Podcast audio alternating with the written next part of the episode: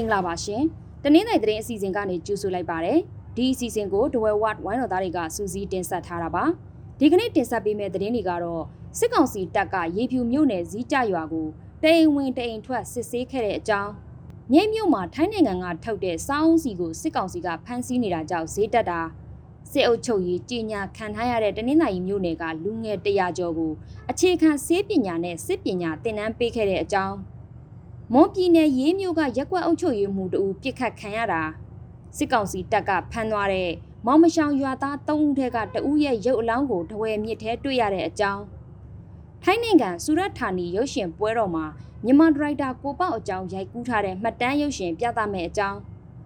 မုတ်တုံဆုတ်ခွာမဲ့ကာလတနင်္သာရီတိုင်းမှာမိုးထစ်ချုံရွာနိုင်မဲ့အခြေအနေကိုပြောပြသွားမှာပါ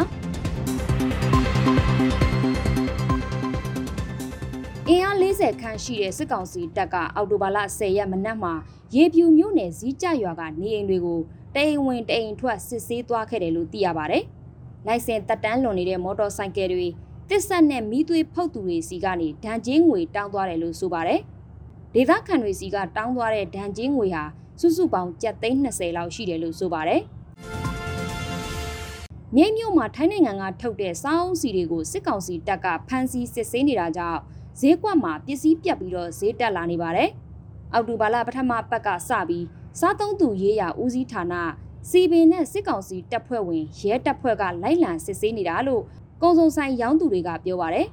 ။အခုလိုဖမ်းဆီးတွေရှိနေတာကြောင့်မီဆူတစိမ့်စားသုံးစီ1လီတာတဘူးကို3500ကနေ4200ကျပ်ဖြစ်သွားပြီးတော့ပဲလုံးစီကတော့တဘူးကို9000ကျော်ကနေ6000ကျော်အထိမြင့်တက်သွားတယ်လို့ဆိုပါတယ်။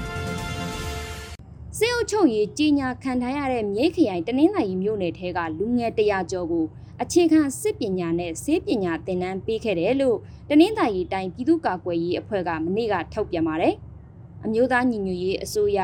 ကာကွယ်ရေးဝန်ကြီးဌာနကပြုလုပ်တဲ့အခြေခံစစ်ပညာသင်တန်းကိုလူငယ်80တက်ရောက်ခဲ့ပြီးတော့အခြေခံဆေးပညာသင်တန်းကိုတော့22ဦးတက်ရောက်ခဲ့တယ်လို့ဆိုပါတယ်။ စစ်ပညာသင်တန်းမှာစီရေးပြလက်နက်ငယ်ဖြုတ်တက်ပြစ်ခတ်တာအပြင်နိုင်ငံရေးဘာသာရပ်ကိုလည်းတင် जा ပေးခဲ့တယ်လို့ဆိုပါတယ်။မွန်ပြည်နယ်ရေးမြို့ကအောင်မြင့်တာရက်ကွက်အုပ်ချုပ်ရေးမှူးဦးမမောင်လက်ခေါ်ကိုလက်ဆိုသူဟာအောက်တိုဘာလ10ရက်မနက်ကမြတီတာဈေးအနီးမှာပြစ်ခတ်ခံခဲ့ရပါတယ်။ဦးမမောင်လက်ဟာစစ်ကောင်စီနဲ့ပူးပေါင်းပြီးလုတ်ပိုင်ခွင့်များစွာရထားသူ ပြူစောတီခေါင်းဆောင်ဖြစ်တာကြောင့်ပြစ်ခတ်ရှင်းလင်းရတာဖြစ်တယ်လို့ရေးဘလူးအဖွဲ့ကထုတ်ပြန်ထားပါတယ်။အသက်မသေးပဲတနက်ဒဏ်ရာနှစ်ချက်ရရှိခဲ့လို့မော်လမြိုင်ဆေးရုံမှာဆေးကုသမှုခံယူနေရတယ်လို့သိရပါတယ်။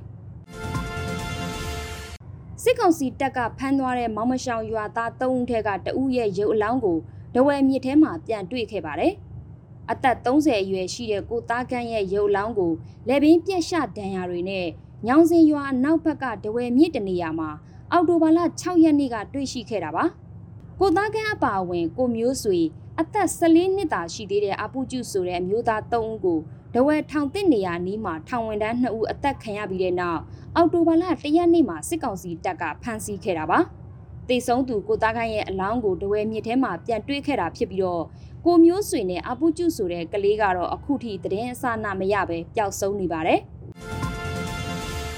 မြန်မာဒရိုက်တာကိုပေါ့အကြောင်းရိုက်ကူးထားတဲ့မှတ်တမ်းရုပ်ရှင်ကိုထိုင်းနိုင်ငံတောင်ပိုင်းစူရတ်ဌာနီမြို့မှာကျင်းပမဲ့ရုပ်ရှင်ပွဲတော်မှာပြသသွားမယ်လို့ဥဆောင်ကျင်းပတဲ့ဥယျာဉ်မှုတို့ရဲ့တော်လိုင်းရေးအဖွဲ့ထံကနေသိရပါဗျ။ရောင်နီလာယာလန်းလို့ခေါ်တဲ့မှတ်တမ်းရုပ်ရှင်ကိုဒရိုက်တာကိုပေါ့ရဲ့ခွင့်ပြုချက်နဲ့စူရတ်မြို့စစ်တပ်ပွင့်အရှိကမင်္ဂလာခမ်းမမှာအောက်တိုဘာလ22ရက်မနက်10:00နာရီကနေည10:00နာရီထိပြသမှာဖြစ်ပါတယ်။ မြန်မာဒရိုက်တာကိုပေါ့ရဲ့တော်လိုင်းရေးကာလဖြတ်တန်းမှုအကြောင်းကိုမှတ်တမ်းရုပ်ရှင်အဖြစ်ပုံဖော်ရိုက်ကူးထားတာဖြစ်ပြီးတော့လက်မှတ်တစ်စောင်ကိုထိုင်းဘတ်ငွေ120ဘတ်သတ်မှတ်ထားတယ်လို့သိရပါတယ်။ရုပ်ရှင်ပွဲတော်ကရလာမယ့်ငွေကြေးကိုတော်လိုင်းရေးအတွက်အသုံးပြုဖို့ဒရိုက်တာကိုပေါ့ကိုအနံသွားမယ်လို့ဥယျာဉ်များရဲ့တော်လိုင်းရေးအဖွဲ့ထံကနေသိရပါတယ်။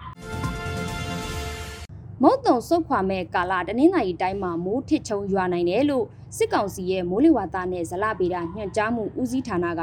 အော်တိုဘာလ17ရက်ဒီကနေ့ထုတ်ပြန်ပါတယ်။အော်တိုဘာလဒုတိယ10ရက်ပတ်ထဲမှာကပ်ပလီပင်လယ်နဲ့ဘင်္ဂလားပင်လယ်အော်တို့မှာလေဖိအားနဲ့ရဝွန်တစ်ကြိမ်ဖြစ်ပေါ်နိုင်တယ်လို့ဆိုပါတယ်။အော်တိုဘာလ17ရက်ကနေ23ရက်အထိမြဝကျွန်းမော်ဒေသနဲ့14ရက်ကနေ18ရက်အတွင်းမြန်မာနိုင်ငံတဝင်းလုံးကနေမုတ်တုံဆုတ်ခွာနိုင်တယ်လို့ထုတ်ပြန်ထားတာပါ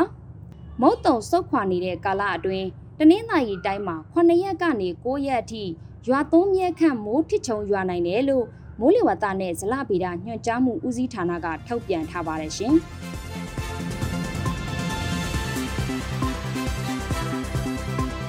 အခုလိုနားဆင်ပေးခဲ့တဲ့အတွက်ကျေးဇူးအထူးတင်ရှိပါတယ်မြန်မာနိုင်ငံသားများကပ်ဘေးပေါင်းကနေအမြန်ဆုံးလွတ်မြောက်နိုင်ပါစေလို့ The Well Watch ဝိုင်းတော်သားများကစုမုံကောင်းတောင်းအပ်ပါတယ်ရှင်။